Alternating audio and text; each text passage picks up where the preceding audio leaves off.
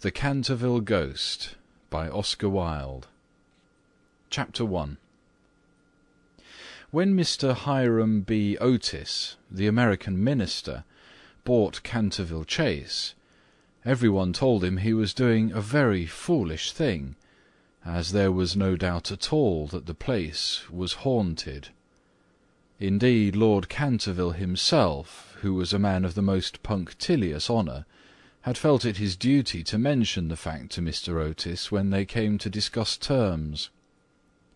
"We have not cared to live in the place ourselves," said Lord Canterville, "since my grand aunt, the Dowager Duchess of Bolton, was frightened into a fit, from which she never really recovered, by two skeleton hands being placed on her shoulders as she was dressing for dinner and I feel bound to tell you, Mr. Otis, that the ghost has been seen by several living members of my family, as well as by the rector of the parish, the Reverend Augustus Dampier, who is a fellow of King's College, Cambridge.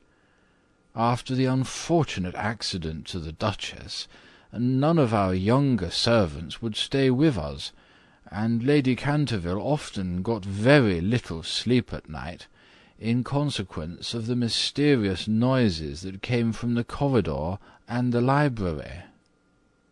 "My lord," answered the minister, "I will take the furniture and the ghost at a valuation.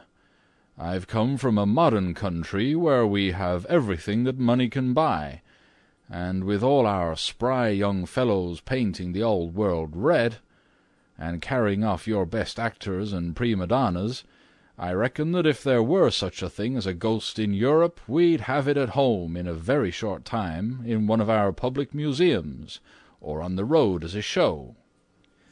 "I fear that the ghost exists," said Lord Canterville, smiling, "though it may have resisted the overtures of your enterprising impresarios.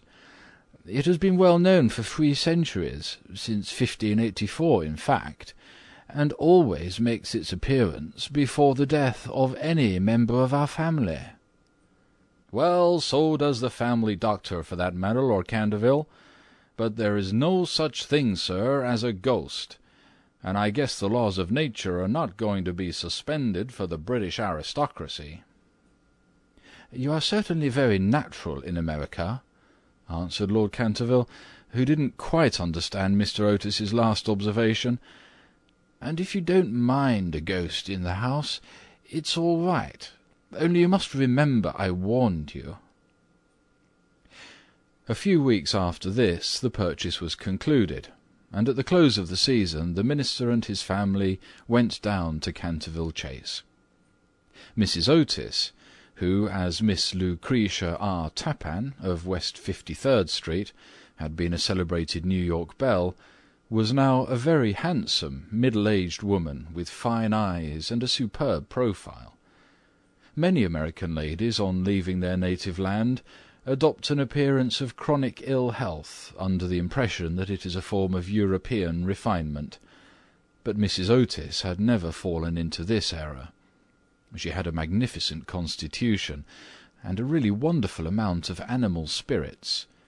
Indeed, in many respects she was quite English and was an excellent example of the fact that we have really everything in common with America nowadays, except, of course, language. Her eldest son, christened Washington by his parents, in a moment of patriotism, which he never ceased to regret, was a fair-haired, rather good-looking young man, who had qualified himself for American diplomacy by leading the German at the Newport Casino for three successive seasons, and even in London was well known as an excellent dancer. Gardenias and the peerage were his only weaknesses; otherwise he was extremely sensible. Miss Virginia E. Otis was a little girl of fifteen, lithe and lovely as a fawn, with a fine freedom in her large blue eyes. She was a wonderful Amazon and had once raced old Lord Bilton on her pony twice round the park, winning by a length and a half, just in front of the Achilles statue, to the huge delight of the young Duke of Cheshire, who proposed for her on the spot, and was sent back to Eton that very night by his guardian in floods of tears. After Virginia came the twins, who were usually called the Star and Stripes, as they were always getting swished. They were delightful boys, and with the exception of the worthy minister, the only true republicans of the family. As Canterville Chase is seven miles from Ascot, the nearest railway station, Mr. Otis had telegraphed for a wagonette to meet them, and they started on their drive in high spirits. It was a lovely July evening, and the air was delicate with the scent of the pine woods. Now and then they heard a wood pigeon brooding over its own sweet voice, or saw, deep in the rustling fern, the burnished breast of the pheasant. Little squirrels peered at them from the beech trees as they went by, and the rabbits scudded away through the brushwood and over the mossy knolls, with their white tails in the air. As they entered the avenue of Canterville Chase, however, the sky became suddenly overcast with clouds.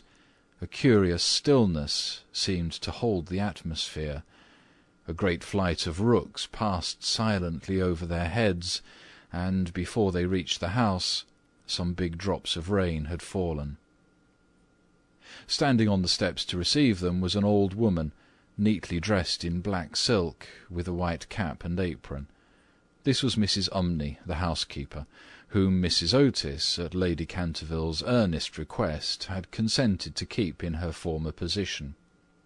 She made them each a low curtsey as they alighted, and said in a quaint old-fashioned manner, I bid you welcome to Canterville Chase.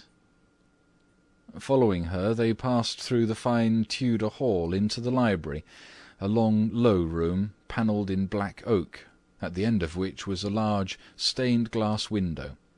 Here they found tea laid out for them, and after taking off their wraps they sat down and began to look around, while Mrs. Umney waited on them. Suddenly Mrs. Otis caught sight of a dull red stain on the floor just by the fireplace, and, quite unconscious of what it really signified, said to Mrs. Umney, "I'm afraid something has been spilt there."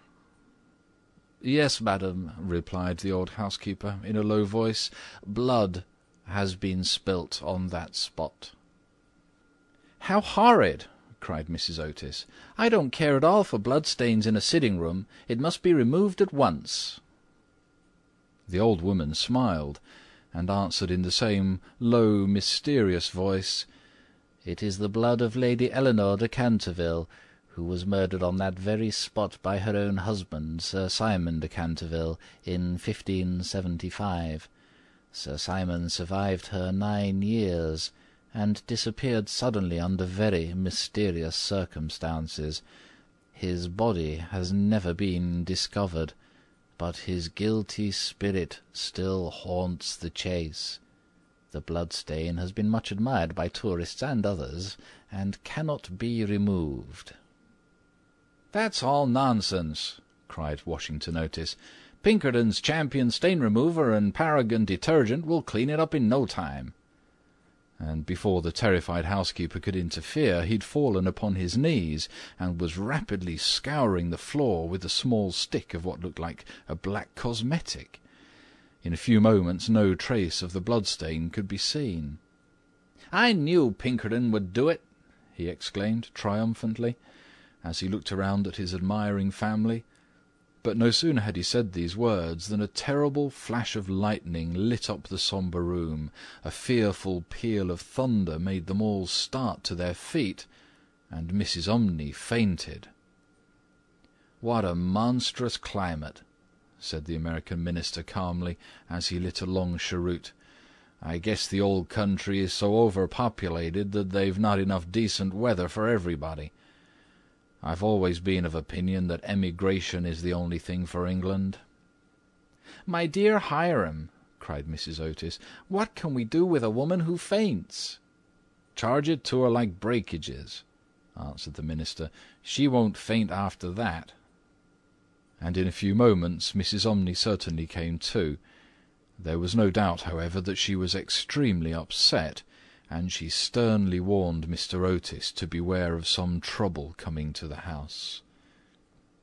"I've seen things with my own eyes, sir," she said, "that would make any Christian's hair stand on end, and many and many a night I have not closed my eyes in sleep for the awful things that are done here." Mr. Otis, however, and his wife warmly assured the honest soul that they were not afraid of ghosts; and after invoking the blessings of Providence on her new master and mistress, and making arrangements for an increase of salary, the old housekeeper tottered off to her own room.